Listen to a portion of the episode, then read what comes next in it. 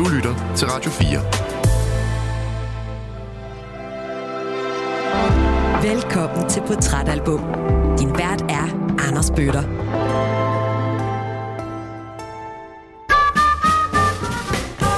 Jeg elsker det album, og det, jeg har jo haft det med mig, siden jeg var de der 16-17 år. Jeg var også en, en punkdreng, der lyttede til jazz, og han var for vild.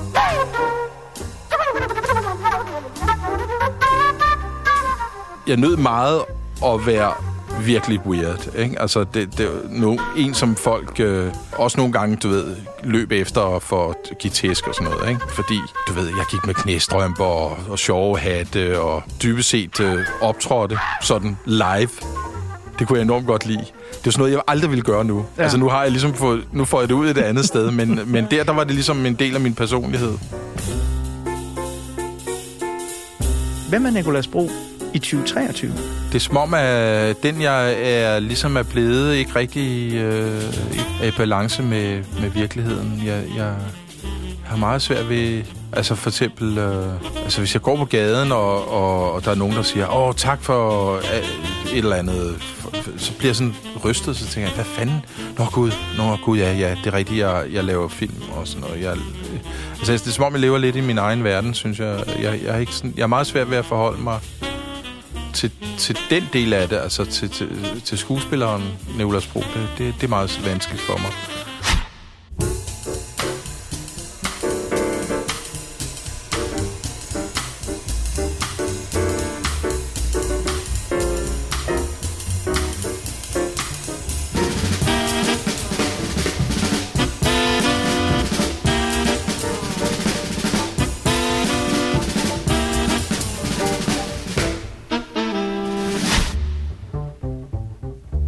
Det her er lyden af en sprudlende ung jazzmusiker, som måske aldrig fik den kendis-status, som eksempelvis Miles Davis, John Coltrane eller Charlie Parker noget godt af.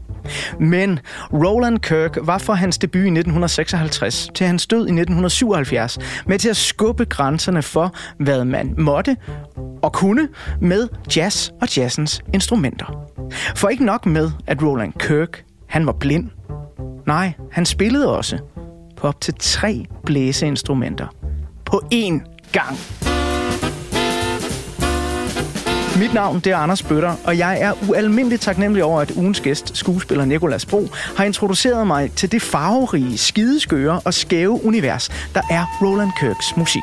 For en af mine største glæder ved at kunne public service servicere dig, der lytter med med spændende musik hver uge her på Radio 4, det er, når jeg opdager albums og kunstnere, som jeg ikke selv kendte i forvejen. Det er tidligere sket her i programmet, da jeg havde besøg af skuespiller Ditte Hansen, og hun introducerede mig for Elisabeths debutalbum. Det skete, da jeg var på besøg hos Gita Nørby, og hun præsenterede mig for Mozarts Tryllefløjten. Og det skete, da jeg morede mig sammen med musiker Allan Olsen, og vi dykkede ned i den amerikanske singer-songwriter Randy Newman. I denne uge, der skal vi for kun anden gang i portrætalbums historie dykke ned i jazzalbum. Og hvilket album? Roland Kirks fjerde studiealbum, We Free Kings, som åbner med den her legesyge lille sag, der hedder Three for the Festival. Hjertelig velkommen til Portrætalbum.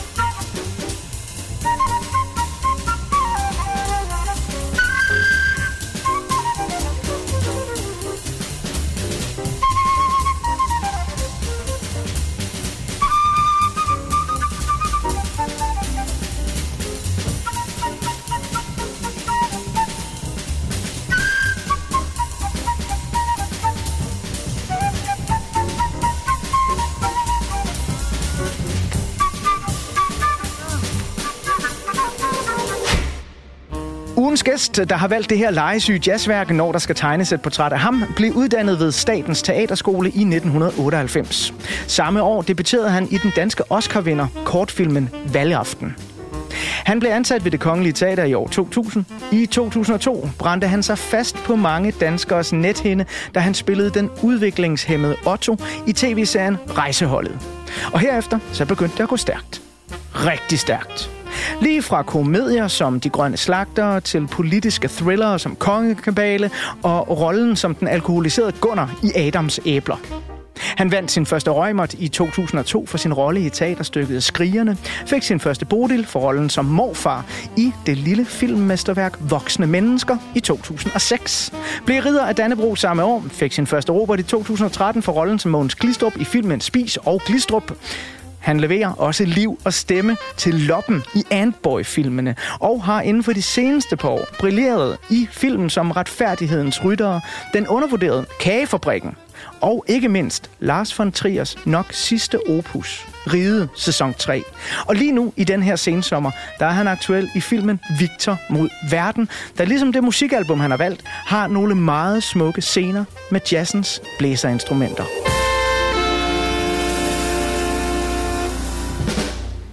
Nikolas Bro, hjertelig velkommen til Portrætalbum. Tak for det. Det var et lille oprids. Jeg håber, du føler dig sådan nogenlunde repræsenteret. Jamen, det synes jeg i hvert fald, og, og, og jeg var, jeg, altså jeg blev, jeg, nakkehårene rejste mig, da, da du snakkede om, om Roland Kirk, og, og at, at du ligesom havde en oplevelse med det album. Det må jeg indrømme. Ej, hvor dejligt. Øh, fordi, det, ved du hvad, det vil jeg love dig, jeg her i den første del af ugens udsendelse. Det kommer der masser og mere af. Øh, jeg har lige set Victor mod verden. Ja. Det er en skøn lille film, ja. og vi kommer til at snakke meget mere om den i løbet af udsendelsen her, især i del 2. Øhm, men inden vi dykker ned i sådan en handling og din rolle i den, der er sådan et spørgsmål for en musikformidler som mig, der melder sig, som jeg er vildt nysgerrig på. Kan du spille saxofon i virkeligheden? Nej.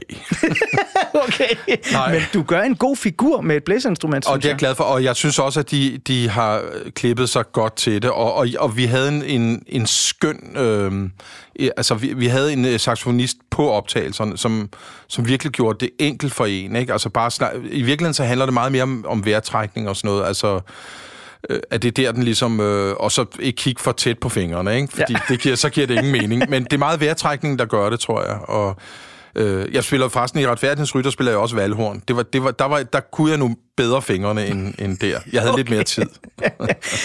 I del 2 af den her udsendelse, så glæder jeg mig lidt til at høre om, øh, hvor du er i livet lige nu, og måske lidt om, hvor du er på vej hen.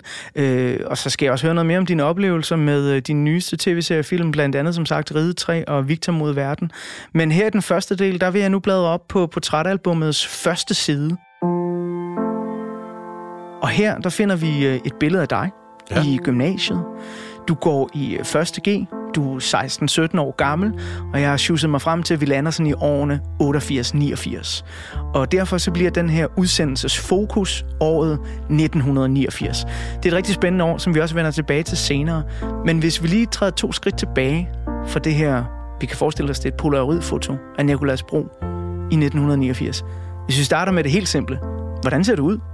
Jeg går meget, meget op i tøj. Altså, hvilket man ikke skulle tro, hvis man kender mig i dag. Sommeren inden jeg starter i 1. G, der har jeg været lysspotfører på det nye teater. Øh, og har taget alle de vagter, jeg kunne, så jeg har sparet en masse penge sammen. Og så vælter jeg rundt i sommeren op til 1. G i Paris i 14 dage, og bare køber en helt garderobe. Alle de penge, jeg har tjent hele året, fyrer af i Paris på 14 dage. Så jeg lover dig for, at jeg er smart. Det var chefsmønstrede skjorter, og selvfølgelig, og Dr. Martens, det, så vil folk sige, det går de også i dag, men det gjorde vi altså også der. Men gerne med stilcaps, og det var nogle store støvler, ikke? Og så var det som regel sådan farvede plastik solbriller, og så lange jakker. Så var, var jeg meget inspireret af coveret, Bowies cover, Low.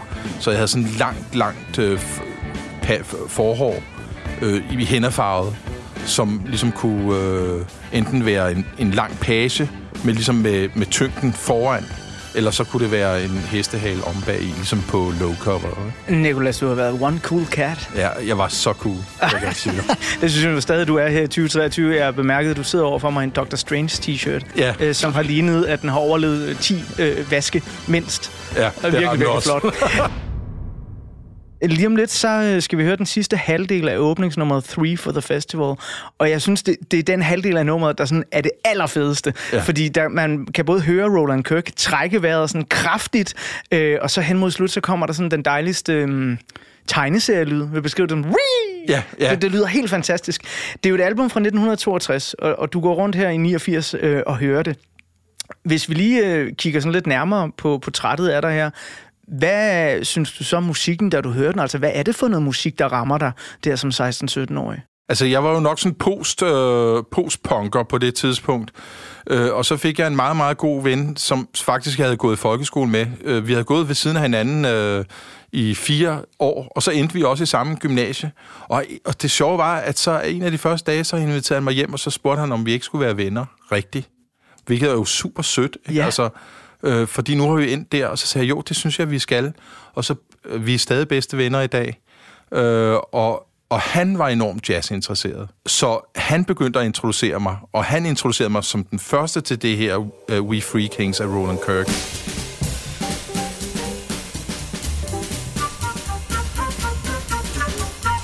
Og du ved, det var fuldstændig som sikkert vores forældre. Det var med en kande te, og så sad vi bare og rålyttede den. Øh, og så var det på LP-plade. Nu er det jo på streaming. eller hvad klart, hedder. klart. Der har nok gået et stykke tid, hvor han ligesom har insisteret på, at jeg skulle lytte og sådan noget. Der var også andre, øh, øh, men ser Roland Kirk bed sig fast. Men altså, jeg elsker det album, og det, jeg har jo haft det med mig, siden jeg var de der 16-17 år. Jeg synes lige, vi skal øh, få den øh, sidste del af det her fantastiske åbningsnummer.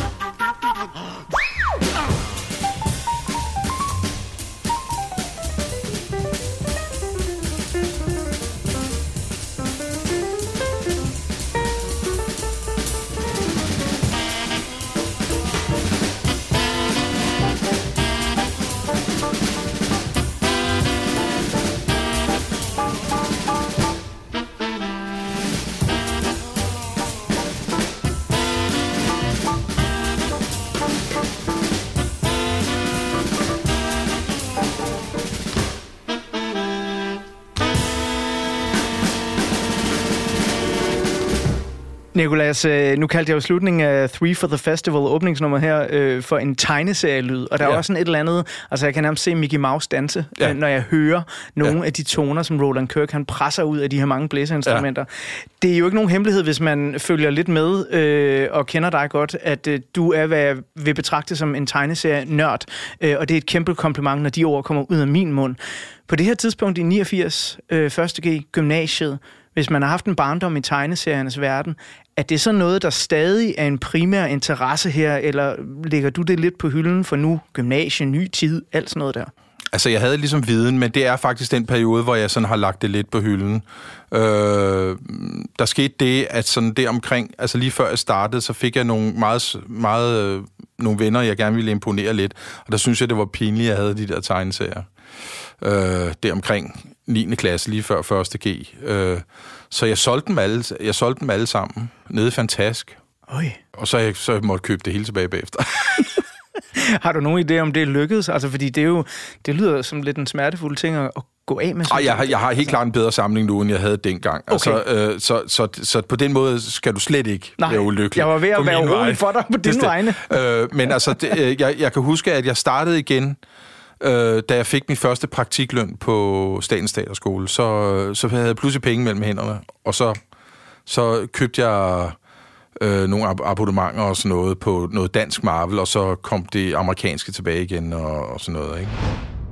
Nu øh, har vi fået beskrevet sådan lidt af de øh, ydre omstændigheder, øh, hvordan du ser ud, hvad du går op i her i 1989. Hvis vi nu zoomer helt ind på det her Polaroid-foto, og vi ser Nikolas 16-17 år i øjnene. Ja.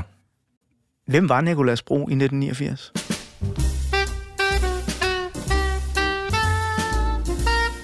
Jeg havde helt klart noget, jeg skulle ud med, som, som jeg ikke, som jeg skulle ligesom ud med i, som min, i min privatperson, fordi jeg havde jo ikke rigtig noget sted at ligesom kanalisere det ud, som jeg har nu. Så øh, jeg, jeg, jeg var jeg nød meget at være virkelig weird. Ikke? Altså, det, det no, en som folk øh, også nogle gange, du ved, løb efter for at give tæsk og sådan noget, ikke? På, på Falmlergården, hvor jeg gik, fordi, du ved, jeg gik med knæstrømper og, og sjove hatte og, øh, og, og dybest set øh, optrådte sådan live. Det kunne jeg enormt godt lide. Det er sådan noget, jeg aldrig ville gøre nu. Ja. Altså, nu har jeg ligesom fået, nu får jeg det ud et andet sted, men, men der, der var det ligesom en del af min personlighed. Øhm, så spillede jeg i band. Øh, vi havde sådan... Øh, jeg spillede sådan noget, altså al form for, altså punkrock band, sådan. Okay, havde det et navn? Ja, altså øh, mit første band, øh, det hed Skyggerne. For det, det, det blev vi kaldt, den gruppe, ja. vi på Falmergårdens Gymnasium blev vi kaldt Skyggerne. Og, øh, og det var noget med, at vi sagde, at pludselig så var vi, og så var vi der ikke. det, var sådan, det er meget det, folk sagde. Det er også mega fedt at gå kontra på den, så ja, ja. hvis man har fået et øgenavn, så ja. bare åne den, og ja. så sige, okay, så er vi skyggerne. Ja. Nu er vi et band. Så det er også et fedt bandnavn, ikke? Ja, mega fedt bandnavn. Der skulle være band, et dansk band, der hedder Skyggerne, ikke? Ja, 100 procent. Altså, og det, det kan jo være, at der sidder nogle unge mennesker, der, eller ældre mennesker derude, ja. og lytter efter, og tænker, jeg starter et og... punkband, og så er det måske ikke taget længere. Ja, og så er, det, så er det ikke taget, så er der nogen, der kan tage det. Ja, lige præcis. Ja, det, jamen, det skal de have lov til.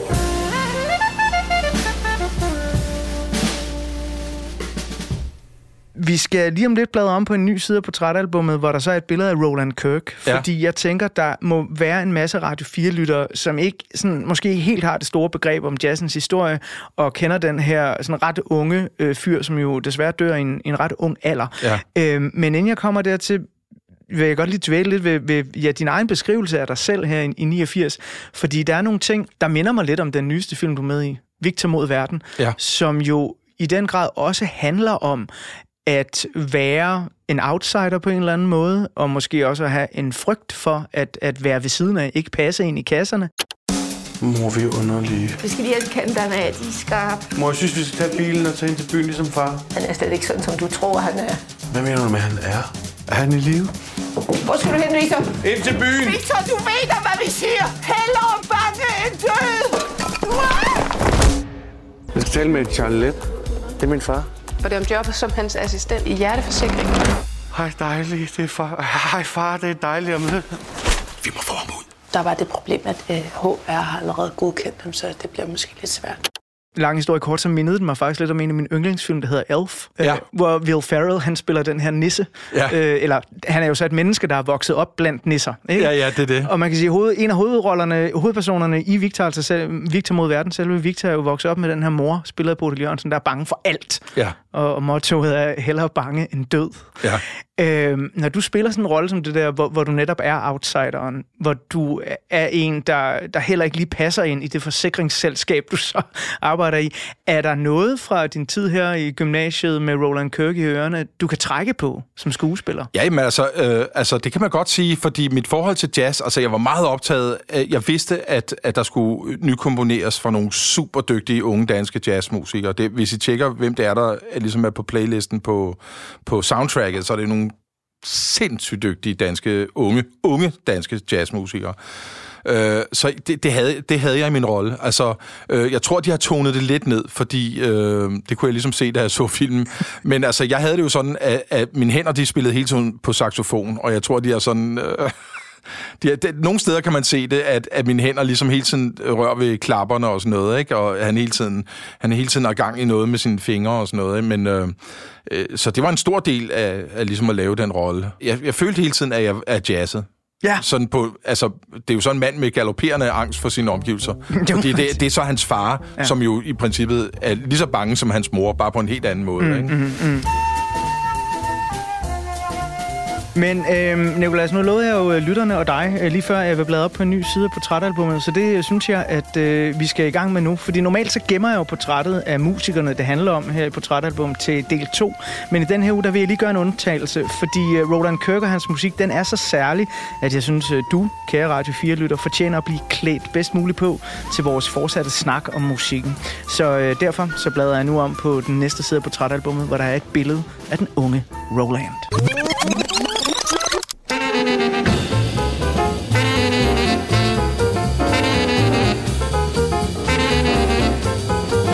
Raymond Theodore Kirk blev født den 7. august 1935 i Columbus, Ohio. På grund af medicinsk fejlbehandling blev han blind som toårig. Det stoppede dog ikke den unge Roland, der viste sig at have et uhørt musikalsk talent.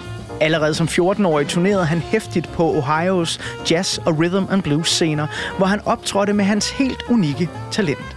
Han kunne spille på to blæseinstrumenter på én gang.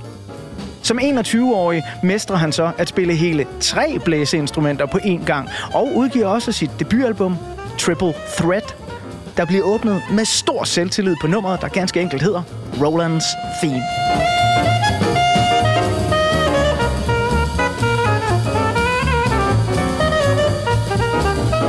Men hvordan lyder det så egentlig, når man spiller på tre blæseinstrumenter på én gang?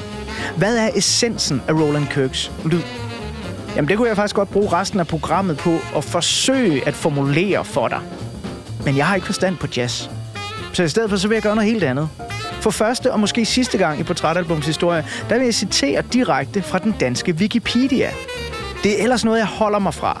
Dels fordi jeg synes, det er dovent, fordi Wikipedia kan være fyldt med fejl, og fordi især den danske Wikipedia nogle gange er knap så velskrevet, som for eksempel den engelske. Men lige i Wikipedia-opslaget om Roland Kirk, der har jeg fundet en undtagelse. Så lad os lige sætte noget lækker musik i gang, og så slå op på Wikipedia sammen. Roland Kirk var en sand ener i den moderne jazz. Den blinde blæserblæksprutte skabte sin helt egen særlige musik, der besad en ukulig, ja til tider nærmest vulkanagtig energi. Desuden havde den ofte humor, kunne være rå og upoleret, og trak ikke mindst på stort set hele jazzhistorien, eller som Kirk selv yndede at kalde den, Black Classical Music.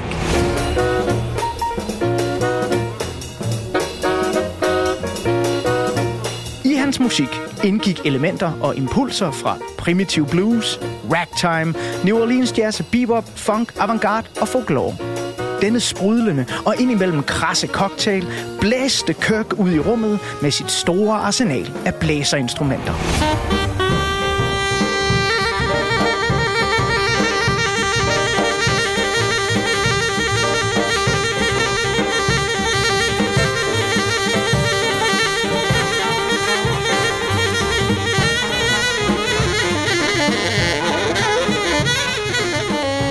Udover sit hovedinstrument, tenorsaxen og tværfløjten, omfattede arsenalet en række uortodoxe af slagsen, hvoraf nogle var hjemmelavet. To havde Kirk som en fundet i en skrammelbunke i kælderen i en musikforretning. Det var de næsten ukendte saxofontyper Mancelonen og Stritsen. De minder henholdsvis om en sopransax og en altsax. Dem formåede Kirk så oven i købet at spille på på én gang sammen med sin tenorsax. Det havde den effekt, at det lød som om en hel blæsersektion var på banen.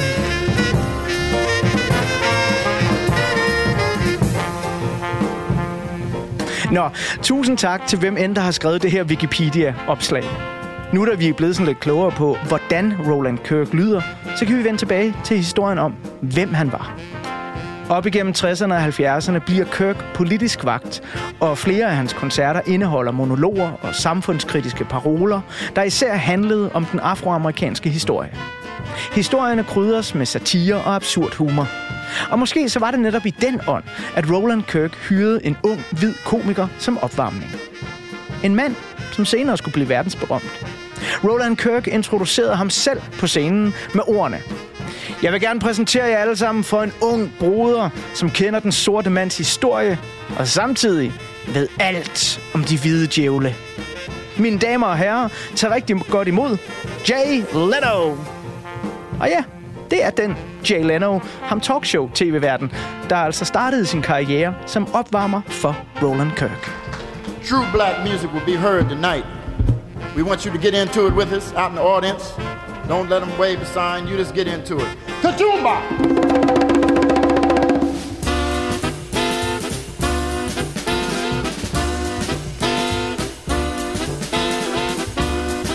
Albummet, som Nicolas Bro har valgt til denne uges portrætalbum, We Free Kings, udkom i januar 1962, er Roland Kirks fjerde studiealbum og første store internationale udgivelse.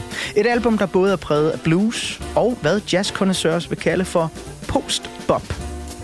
Albumtitlen og titelnummeret er en variation over den klassiske julesalme We Three Kings.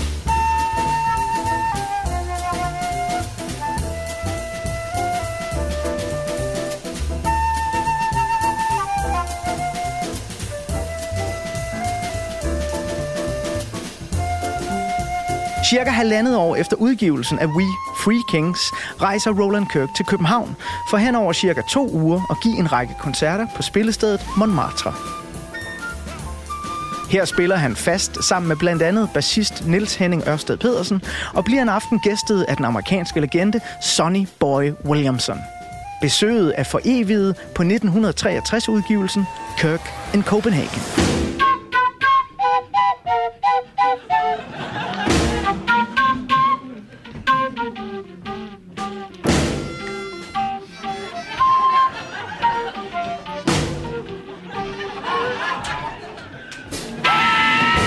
Efter en syret drøm ændrer Kirk i 1970 sit navn til Razan Roland Kirk.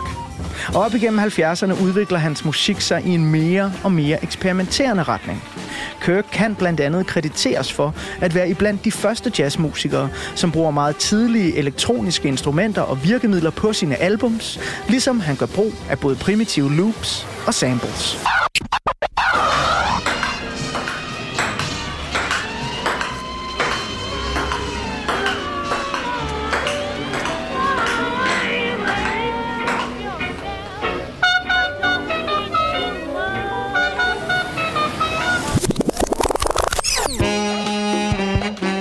1975 får Kirk et slagtilfælde. Han overlever, men bliver delvis lam i den ene side af kroppen. Men Kirk han er ikke typen, der giver op. Den blinde og nu delvist lamme musiker modificerer da bare sine blæseinstrumenter, så han kan spille dem med én hånd. Men kampen mod kroppen viste sig til sidst at blive mulig. Rashan Roland Kirk døde i 1977 efter endnu et slagtilfælde. Han blev 42 år, men huskes, til trods for sin unge alder, som en af de musikere, der var med til at skubbe grænserne for jazzens udtryksmuligheder.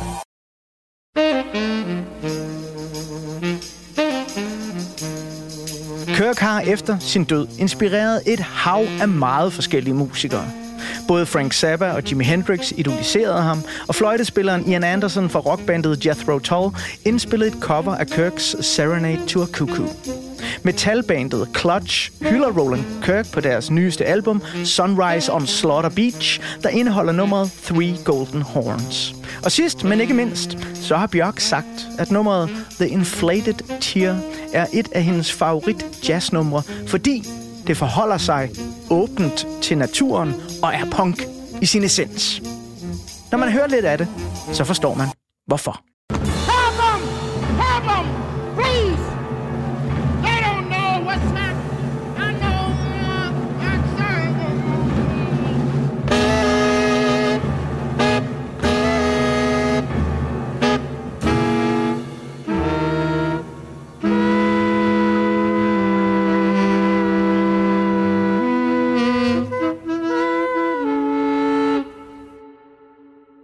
Var en lille overflyvning over øh, Roland Kirks øh, liv og levned og musik, Nicolas. Ja, det var, det var imponerende. Jamen, han er fantastisk. Øh, altså, det, det, der var en masse faktuelle ting, jeg selvfølgelig ikke vidste, men, men på en mærkelig måde, så passer det fuldstændig overens med, hvordan jeg øh, har det med ham. Ej, det er jeg glad for. Fordi jeg var jo også en, øh, jeg var også en, en punkdreng, der, der lyttede til jazz. Ja. Altså, og, jeg, og, altså, og, han, og han var for vild. Altså, Det var han bare. Han var Kan du identificere dig med, med det, som Bjørk siger? Fordi det synes jeg er, er ret fint sagt. Sådan, han, han forholder sig åbent for naturen. Jo, det kan være svært at forklare, men, men hun siger direkte, at det er punk i sin essens. Ja, ja det, var, det var sådan noget, der ramte mig, fordi, altså, altså, fordi øh, altså, det var, altså, Roland Kirk var jo ligesom der, da jeg var de der 17 år, ikke? Sam, der var Roland Kirk og David Bowie og Lou Reed, som, som jeg lyttede til. Så på den måde var han jo en sjov en at, at have ligesom med ind over, ikke? Det kan jeg se nu. Når øh, du så øh, sidder der i øh, 89 hos din, øh, ja, jeg skulle til at sige nye ven, som jo ikke er så ny, men han har lige spurgt, om I skal være venner, Ja. og han øh, præsenterer dig for den her dejlige musik. Er det så sådan, at I også øh, dykker ned i, i hele Roland Kirks øh, bagkatalog, eller er det mest øh, We Free Kings, der sådan kommer til at blive soundtracket til den her tid? Ej, det, det, det, altså, det er selvfølgelig meget øh, We Free Kings, øh, øh, og, så et, et, og så en lang række andre jazzplader også. Altså, øh, det var, det var, sådan set var det sådan en, en kan man sige, en lidt bredere øh, jazzintroduktion, jeg fik. Jeg var bare altid utrolig vild med det her. Øh, og så senere hen, så har jeg jo altså også stiftet bekendtskab med andre Roland Kirk-ting, og jeg kan sige det, at hans livealbum fra Copenhagen er virkelig fedt. Altså, det, kan man, det skal man også lytte, altså. Og jeg synes også, der er meget af det, der er sjovt, altså, altså når han, fordi han bliver han, han flipper, altså Ja. mildest talt, ikke? Fuldstændig. Altså, han bliver så vanvittig, ikke? Ja. Og det er utrolig underholdende. Jeg, jeg tror, øh, det som der er med We Free Kings, det er jo, at når, du ved, når jeg cykler jo igennem København, ikke, så er det sådan et, der, det, så er det sådan et album, som der, der ligesom bare kører fra A til Z, ikke? Øh, og der, der vil jeg sige, at hans øh, sådan mere sådan 70'er-agtige ting og sådan noget, altså det er så syret, så, så det tager lidt mindre portion. altså det er ikke sådan lige køremusik, det er Ej, mere, det er mere, galt. det er mere øh, lyttemusik, det er mere oplevelsesmusik, vil Ja, jeg sige. ja, ja. Øh, men det kan anbefales.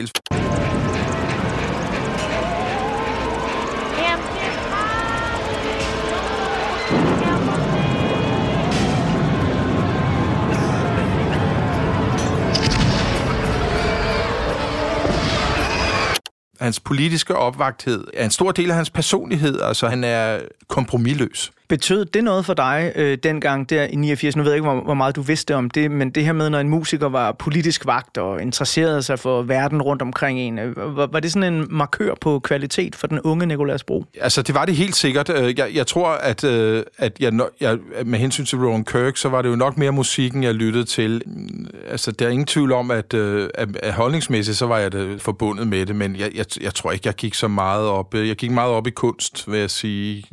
Måske ikke så meget politik politik. Men det er jo nok meget typisk, øh, apropos året 89, og det er der jo nogen, der kalder min generation, for det var det, det, var det år, jeg blev voksen, ikke?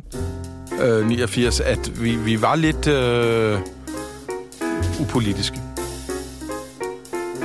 Det her det er et perfekt øh, øjeblik for mig til at øh, simpelthen lige tage en segway over i øh, det næste, vi skal have på portrætalbum, fordi jeg skal bladre op på en ny side, og så skal jeg tegne et portræt af det 1989, som jo er et vildt år, øh, både for folk, der er politisk vagte, og for folk, der overhovedet ikke er politisk vagte, men i gåsøjne bare gerne vil underholdes. Øhm, så jeg glæder mig til, når jeg bladrer om på den næste side af portrætalbummet, øh, og høre, om du kan, kan huske nogle af de ting, som øh, jeg har valgt at fremhæve. Det er selvfølgelig bare overskrifter for året. Der, vi kan ikke nå hele 1989 øh, på de minutter, vi har tilbage i den første del her. Øhm, men inden at øh, vi skal have det lille portræt af 1989, så skal vi have et helt fantastisk nummer fra We Free Kings. Øh, jeg må sige, øh, jeg har hørt det igennem mange gange, øh, og jeg er også til Roland Kirk, når han jazzer lidt derudad. Men jeg er virkelig meget til ham, når han sådan bliver crazy, skør, sjov og sådan noget. Ikke? ja, ja. Og der ligger et nummer på, der hedder You Did It, You Did It. Ej, fedt, mand. Øh, Ja, er det, er det et godt valg? Ja, det synes jeg. Det Ej, hvor ærligt altså. Her der øh, får vi altså lige lidt af You Did It, You Did It, inden øh, jeg bladrer om på den næste side af portrætalbummet og tegner et lille portræt af året 1989.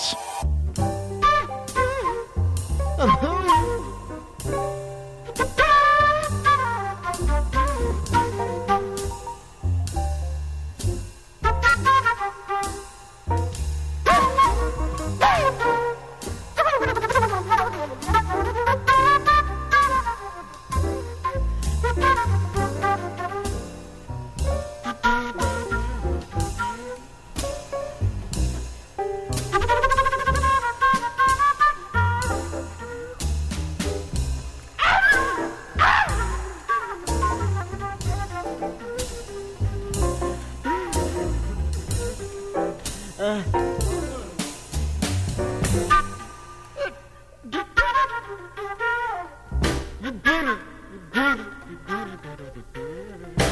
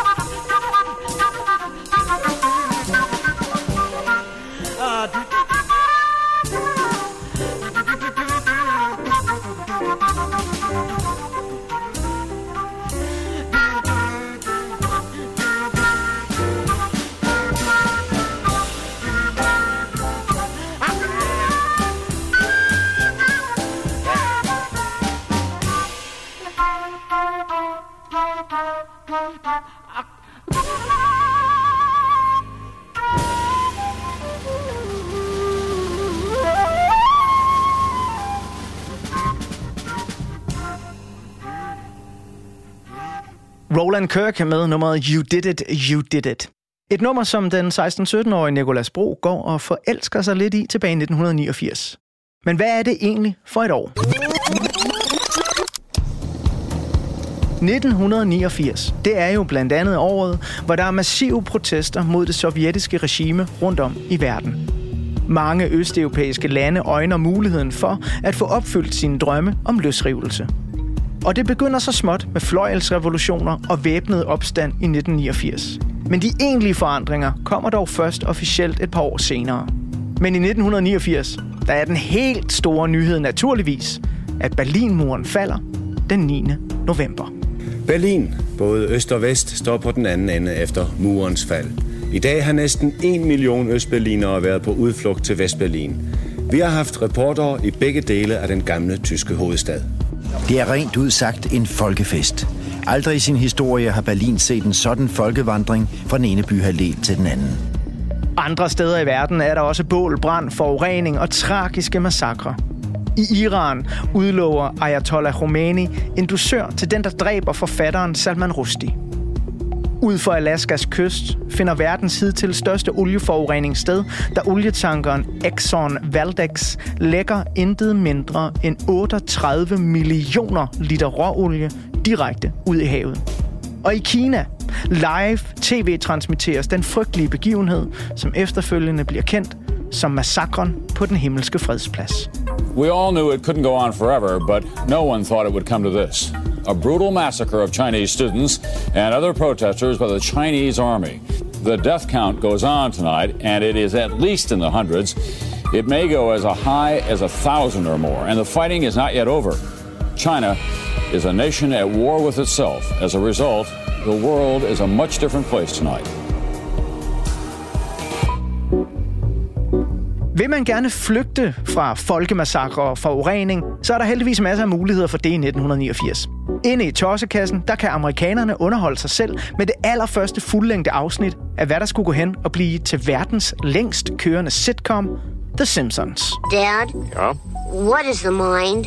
Is it just a system of impulses, or is it something tangible? Relax. What is mind? No matter. What is matter? Never mind. Thanks, Dad.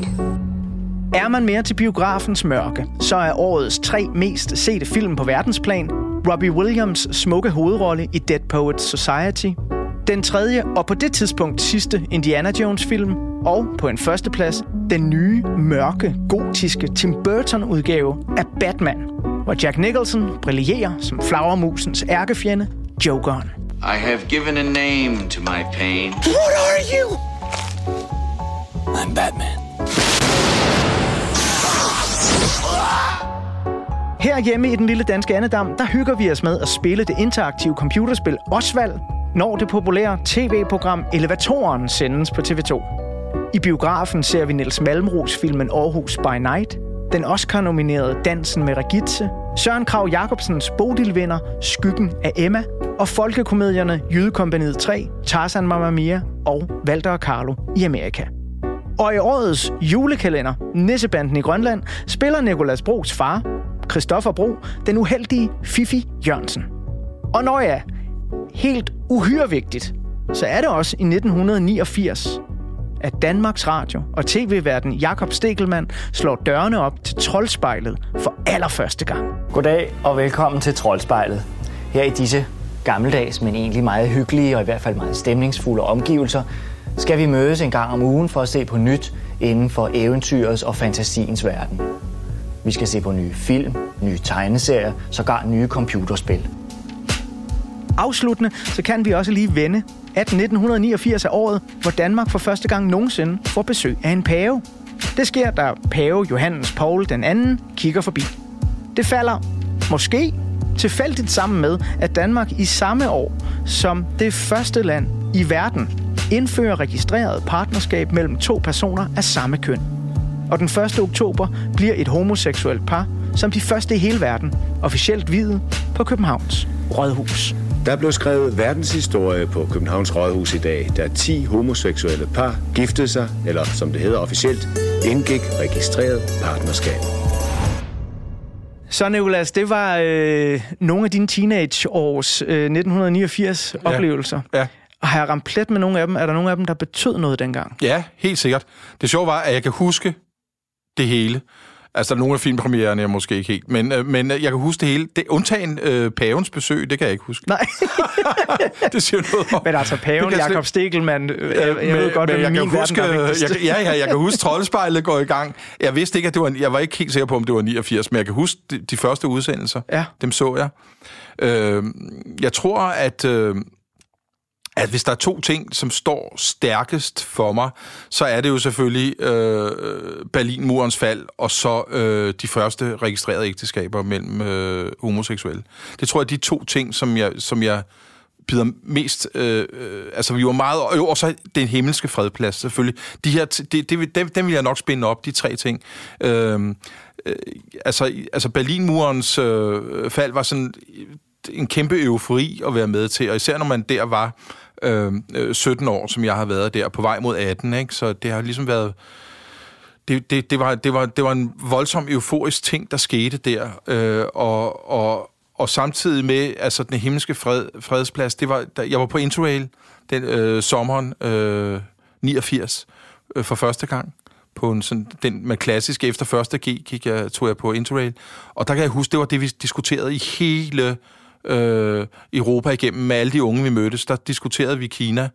Øhm, og så senere hen øh, kan jeg tydeligt huske øh, 1. oktober.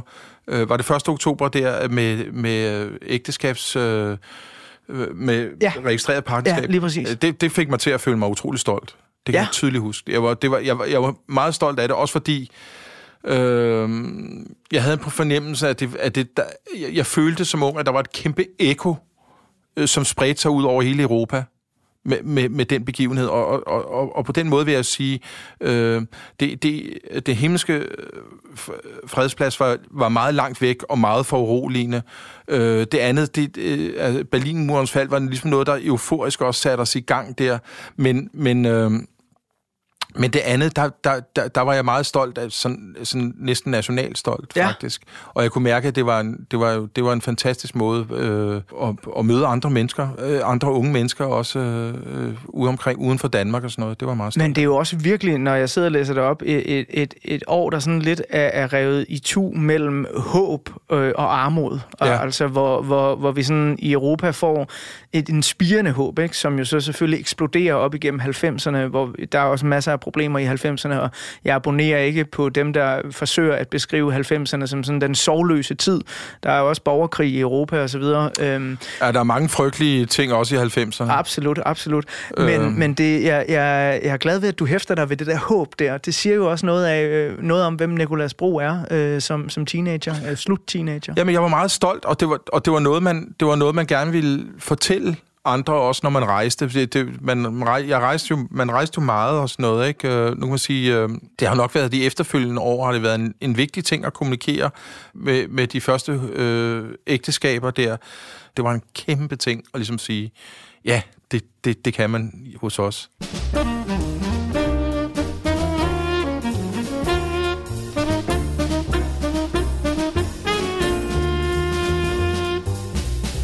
På det her tidspunkt, øh, 16-17 år gammel, i 1. G, det har jeg jo slet ikke fået spurgt ind til. Bor du stadig hjemme der? Er du flyttet ud? Nej, jeg bor stadig hjemme. Jeg, er sådan, jeg, er meget, jeg, er meget, jeg bor næsten ikke hjemme, vil jeg sige.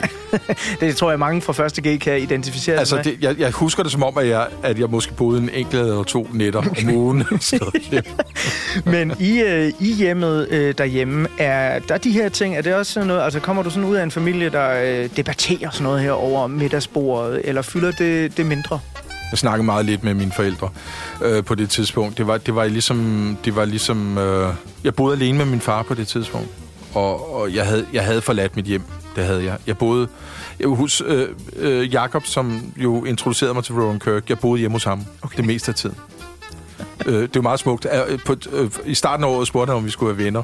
Øh, og i løbet af ganske kort tid, er han nærmest flyttet ind hos ham.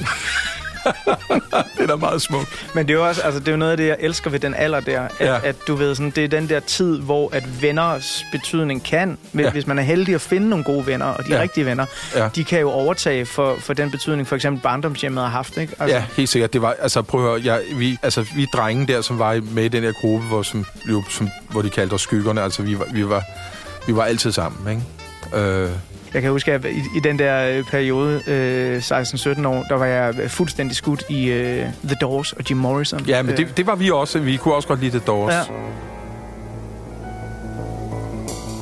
Så jeg er lige et, et par år yngre end dig, men da jeg er i den her alder, der har Oliver Stone lige øh, lavet sin store The Doors-film, øh, og så gik jeg meget op i sådan at, og lyttede til alle pladerne og sådan noget. Og der var bare sådan en linje af Jim Morrison, der brændte sig fast øh, hos mig i den tid der, øh, der hed I prefer a feast of friends to the giant family. Og op i mit hoved, der oversætter jeg det bare sådan, ja, fuck min familie, dem gider jeg ikke være sammen med. Jeg vil hellere være sådan i min feast af Ja. friends, ikke? Altså alle Ja. de her nyopdagede bekendtskaber. Helt sikkert. Som Jamen, jo det, sådan havde jeg det også.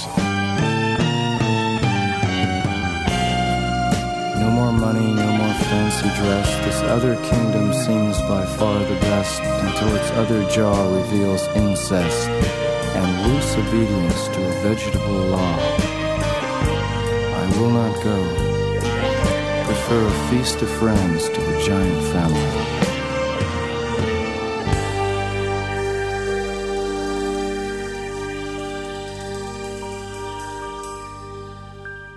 Men til alle forældre, og også mit eget håb jo, for nu er jeg jo selv far, øh, det er, at man, man vender tilbage. Ja. Det er det gode ved det. Altså, man mindre man, man har været et røvhul, ikke? Men- Ja, jo, jo, jo. Klar, klar, klar, klar. Øh, men det er, jo, det er jo din gode ven her, der introducerer dig for, for øh, jazzen. Her til sidst i øh, del 1, øh, inden jeg skal klappe portrætalbummet sammen, og så øh, begynde at tænke på, hvordan vi skal tegne portræt af dig her i 2023, Ja. så er det måske også nærliggende lige at spørge sådan, øh, du virker meget musikinteresseret på det her tidspunkt. Er det noget, der kommer fra barndomshjemmet? Altså har dine forældre øh, sat masser af musik på? Nej, det kommer helt klart, øh, det kommer helt klart fra mine venner. Øh, jeg, jeg, jeg, min far har aldrig sat musik på derhjemme. Øh, jeg har aldrig hørt musik derhjemme. Det, var, det interesserede ikke rigtig min far. Øh, derhjemme, jeg var til gengæld utrolig, altså jeg, jeg så, altså jeg var opflasket med sort-hvide film, og jeg, altså jeg, så jeg var sådan, rent filmmæssigt var jeg sådan fuldstændig overloadet. Teater, teater og film, det var, det var det, mit hjem handlede om. Og, og litteratur. Litteratur tag- og, og malerkunst. Men musik, det interesserede ikke min far så meget. Okay, det er... Så det, det, det er min venners skyld. Ja, ja. Det er det. Det kan man takke dine venner for. Ja. Det, det er jo også, altså når man kommer ud af en øh, familie, hvor nu øh, tjekkede jeg lige øh, dit lille families stamtræ inde på det store internet, der er godt nok også meget skuespil. Det er der. Igennem hele din familie der. Ja, til, til alle sider og, og i afskygninger. Ja. Så inden jeg klapper portrætalbummet sammen, og vi får lavet 89, så er det også nærliggende for lytterne at vide, hvornår begynder Nikolas Bro, den øh, unge, øh, dejlige mand med de sjove hatte, så at tænke på, det der med skuespil, det kunne sgu egentlig godt være, at det faktisk var ret så spændende som noget, der måske er mere seriøst end øh, ja, bare en hobby. Ja, men altså, øh, jeg har slet ikke drømt om at være skuespiller på det her tidspunkt øh, overhovedet. Øh, så det kommer året efter, tror jeg, da, da jeg fylder 18. Øh, det kommer i 1990, øh, hvor, hvor min storebror, han har gået på Statens Teaterskole også. Han, øh, han er færdig det år. Og så, så ringer han til mig, og så siger han, øh, du er godt klar over, at øh, der er lige kommet øh, to 18-årige ind på, på Statens Teaterskole. Og det var sådan lidt uhørt, at man var så ung, når man kom ind. Og, så, og det satte noget i gang i mig. Jeg, ved- altså, jeg ved ikke, det kan være, jeg fortryder det senere hen, muligvis. Men, øh, men, øh, men så, tæ- så pludselig tænkte jeg, gud, nu er jeg jo 18. Så kan jeg jo også søge ind. Øh, Det var forresten Nikolaj Koster Valdau, øh, den ene af de 18-årige, der kom ind der. Okay. Øh, jeg ved ikke, hvad der skete. jeg, jeg havde slet ikke drømt om det inden. Ja, det Nej. mener jeg. Jeg havde slet ikke drømt om det. det Nej, var nej. alt muligt. Jeg ville gerne være maler, eller, eller, eller musiker, eller, rock, eller rocksanger, for jeg kunne ikke spille noget instrument. Så det var, jeg ville gerne være forsanger. Som maler eller rocksanger? Jeg havde masser af bands, ikke? Ja. det var, ja. Men altså, nogle gange så er det, altså øh, livets karrierevej er jo også nogle gange, at man snubler over Ja, vejen, ja, ikke? ja, ja. Jeg lider stadig under det. Der er ikke noget at gøre. Nej, altså nu, nu er du her, hvor du er den dag i dag, Ja, Nicolás. ja, Der er ja, ja, ikke det, noget det, der er ikke noget at gøre. Der er no, point of no return. Ja.